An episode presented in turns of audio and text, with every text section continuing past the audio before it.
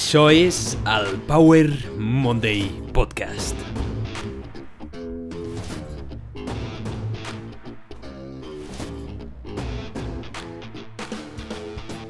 Benvinguts al Power Monday Podcast. Soc en Pau, el teu apassionat de fitness, inspiració i ciència. Espero que hagis passat una setmana increïble.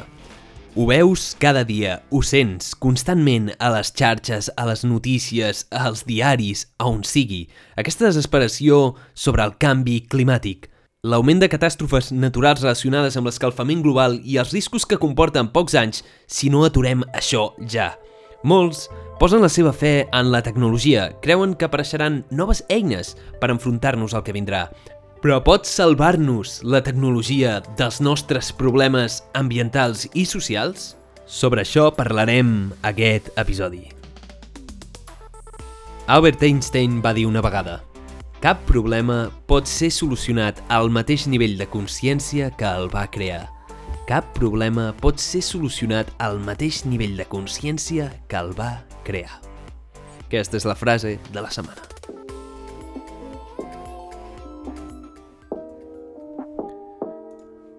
Albert Einstein segur que ha dit moltes frases, però aquesta ve a dir el següent. Els problemes que són fruit d'una visió limitada de la realitat difícilment poden resoldre's sense millorar la nostra visió de la realitat. O sigui, sense canviar el nostre paradigma no podem solucionar els problemes que venen d'un error en el nostre paradigma.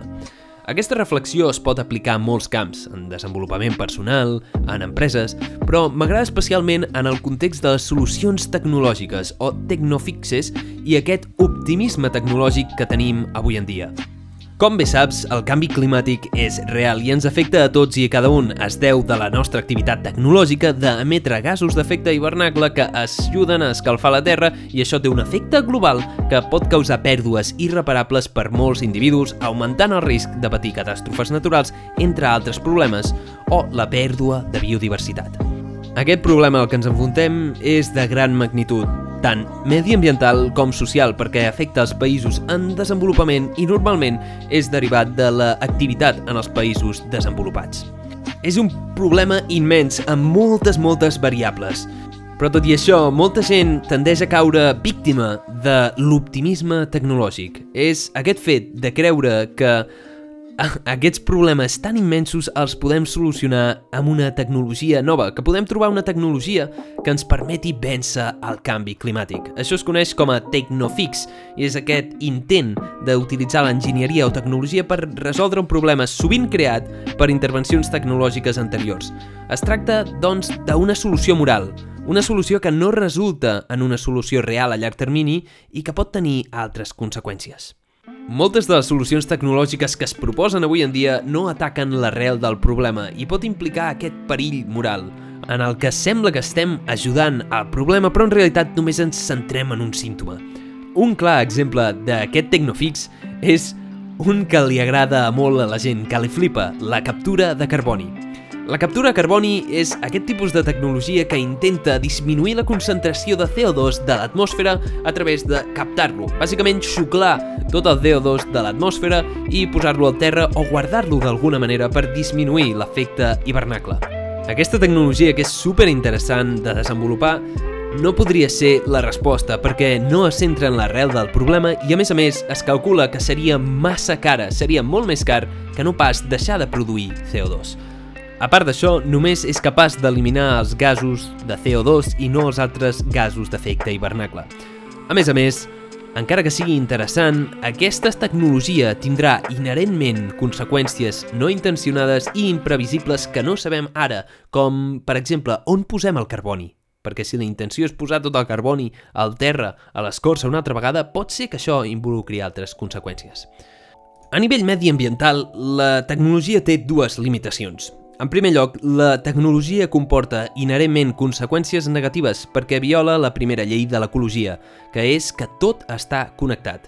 És a dir, a nivell biològic, tenim uns sistemes ben estructurats que es regulen mútuament i tots estan interconnectats on hi ha moltes variables. Si utilitzes la tecnologia per modificar la naturalesa, sempre hi haurà conseqüències negatives en alguna part del sistema.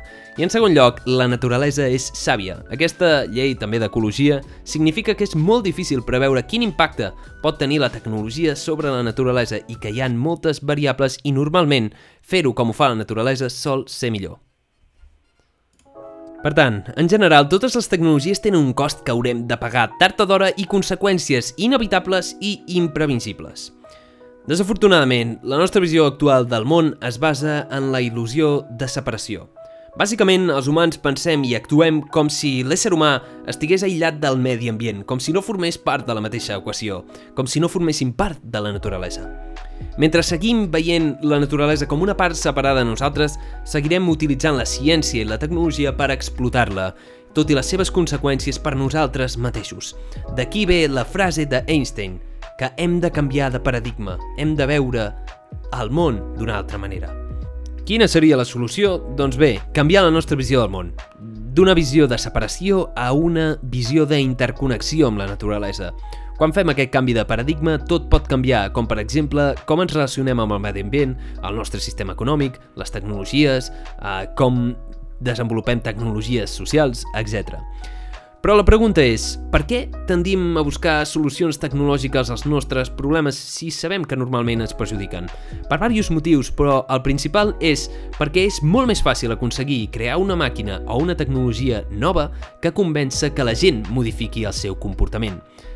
És bastant obvi, doncs, crear noves tecnologies és més fàcil que modificar el comportament de la gent. A més a més, això sumat al màrqueting, com el greenwashing marketing, de diferents empreses en els que se't dona la tranquil·litat de que el problema climàtic es pot solucionar amb un petit canvi tecnològic o comprant el seu producte, fa que ens creiem que estem contribuint per al bé del planeta i en realitat això no és així. Si vols més informació sobre el greenwashing pots escoltar el Power Monday Podcast 47. Però, eh, eh, eh, la tecnologia també té beneficis. De fet, la tecnologia, tot i les seves conseqüències inevitables i inesperades, té molts beneficis. Ens ha permès viure més temps, millor i més gent. Ens permet gestionar recursos limitats del planeta per aproximar-nos més a la igualtat i millorar els nostres estàndards, arribant a més i més gent, disminueix el risc de mortalitat, cada cop hi ha menys lesions, menys problemes, la gent es desplaça més ràpid i les possibilitats que té cada individu són increïbles. Vivim, bàsicament, a costa de rei. Tot i això, des de fa uns 200-300 anys estem vivint en un sistema capitalista, un sistema que parteix de la assumpció que la felicitat depèn de la riquesa material i tecnològica i que com més augmentem aquesta riquesa, més feliç serà la població. Desafortunadament, això no és així, i és que ha augmentat la riquesa i tecnologia exponencialment, però la felicitat s'ha mantingut més o menys en el mateix nivell i fins i tot pot haver baixat una mica. L'evidència és clara. Com més coses tenim, no som més feliços, ni com més tecnologia tenim. De fet, pot ser que això fins i tot ens afecti a la nostra salut, però sí que vivim més temps. Llavors, tornant a la pregunta del principi, pot la tecnologia salvar-nos dels problemes? La meva opinió és que una nova tecnologia no serà mai la solució principal als problemes ambientals i socials que estem vivint, tot i que serà molt necessària. Els tecnofixis i solucions tecnològiques no són suficients, però són necessaris. La gent està vivint cada vegada més temps. Els estàndards de viure són més alts cada vegada i volem que la gent visqui millor arreu del món disminuir la pobresa, la gana i que la gent pugui tenir uns estàndards de viure normals. El problema és que les nostres lleis i regulacions estan molt encarcarades, estan pràcticament caducades. Un dels problemes és que moltes de les regulacions ambientals no es centren en el canvi climàtic, sinó a l'eficàcia i productivitat. S'han adoptat per altres problemes i ara estem intentant que aquestes lleis s'utilitzin també per disminuir les emissions de CO2. La veritat es troba, com moltes vegades, en el punt mig. No es tracta de regulacions o canvi de comportament o canvi de lleis o tecnologies. La resposta es troba en I. La resposta es troba en la combinació regulacions i canvi de comportament i lleis i noves tecnologies que conjuntament poden ajudar-nos a vèncer aquestes externalitats. Però si no ens centrem en l'arrel del problema i creiem cegament que una tecnologia ens solucionarà el problema i que no hem de fer res a nivell de societat ni a nivell d'individu, estem molt equivocats. M'encantaria conèixer la teva opinió. Què n'opines tu? Creus que la tecnologia pot salvar-nos dels nostres problemes?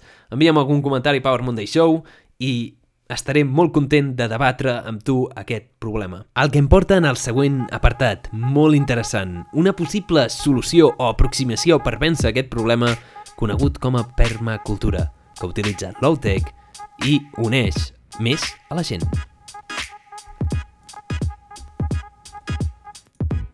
D'acord, permacultura. Una de les possibles propostes que pot ajudar-nos a enfrontar els problemes ambientals i socials és la permacultura. La permacultura promou treballar amb, en comptes de en contra de la naturalesa. Es tracta de reconstruir les bàsiques relacions amb la gent, la terra i els sistemes que ens permeten sobreviure. La permacultura és un concepte molt interessant i és bàsicament el conjunt de pràctiques i formes de pensar per tal de crear una producció agrícola sostenible, molt eficient en energia i respectuosa amb els éssers vius i les seves interrelacions recíproques. La permacultura intenta evitar aquesta aproximació mecanística simplista en la que, dins d'un sistema complex, aïllem una sola variable i la intentem maximitzar, en comptes d'això, la permacultura s'intenta centrar en una aproximació holística als sistemes agrícoles, l'objectiu de la qual és crear un ecosistema productiu de recursos útils, com ara aliments o fusta, respectant la naturalesa salvatge al màxim possible. Es basa en conceptes molt interessants d'ecologia, paisatgisme, l'agricultura ecològica, la biomimètica, l'ètica, la filosofia, la botànica... Intenta incorporar moltes disciplines per abordar aquest sistema tan complex que és la naturalesa.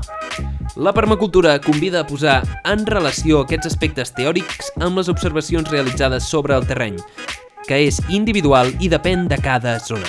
La base de la permacultura no és només analitzar objectivament els components d'un sistema individual, sinó també tenir en compte les seves interaccions amb la finalitat de produir un coneixement de l'ecosistema en el context per un ús de l'ésser humà i conviure conjuntament amb una societat, és a dir, una comunitat que té un objectiu de sobreviure i mantenir una relació saludable amb la naturalesa.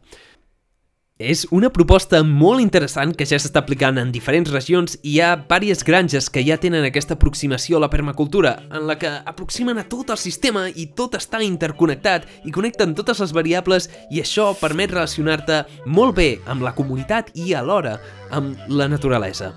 Et recomano que facis una ullada als vídeos que et deixo a la descripció, com també un curs de la Universitat d'Oregon on parlen de permacultura. I que sàpigues que la permacultura és una aproximació que es basa també en el mètode científic, és a dir, intentar entendre les variables que utilitzem, però no en el mètode simplístic en el que aïllem una sola variable, sinó abordar tot aquest sistema de manera holística i entendre que també l'humà juga un paper en aquesta part. Llavors, com sempre, m'agrada acabar amb una pregunta per tu. Creus que és essencial aplicar la permacultura globalment o creus que això que t'acabo d'explicar és més aviat una utopia, una cosa que és molt difícil que funcioni? Si creus que és una utopia, et recomano que miris una de les granges que et deixo en la descripció i si creus que és essencial, et recomano que et replantegis com alimentaríem una població creixent amb la permacultura. Dubtes i problemes molt grans que ens enfrontem com a humanitat. Tot està a debatre i m'encantaria parlar amb tu. I això és tot per aquest episodi. Moltíssimes gràcies per haver escoltat aquest episodi. De debò, espero que t'hagi agradat moltíssim, t'hagi portat una mica de valor o hagis après alguna cosa. Recorda, si t'ha agradat aquest Power Monday Podcast, em faries un gran favor, un immens favor si el comparteixes amb alguna persona que creguis que li pot ser útil per fer que el missatge arribi més enllà, per aquest missatge d'inspiració i coneixement i curiositats. I comparteix-me quin ha sigut el millor moment d'aquest episodi, quina ha sigut la reflexió que et quedes amb aquest episodi en els comentaris o a les xarxes socials a Power Monday Show. La veritat és que aquest episodi m'ha agradat moltíssim veure com els tecnofixis, les solucions tecnològiques no són realment la resposta al nostre gran problema climàtic, però sí que formen part de la resposta. I per l'altra banda, la permacultura, una d'aquestes tecnologies low-tech que són pràctiques que involucren un abordatge holístic a un sistema molt complex que és la naturalesa. Canviar el paradigma, entendre que formem part de la naturalesa i que hem de conviure amb ella i no d'ella. Aquests són uns dels missatges que m'encantaria que t'emportessis a casa. I com sempre, et desitjo una setmana èpica, plena de creixement personal, sigues curiós, mantén aquest esperit que tens i moltes gràcies per estar a l'altra banda del podcast. Ens veiem, com sempre, en el pròxim episodi. Ciao! Let's go! Podcast done!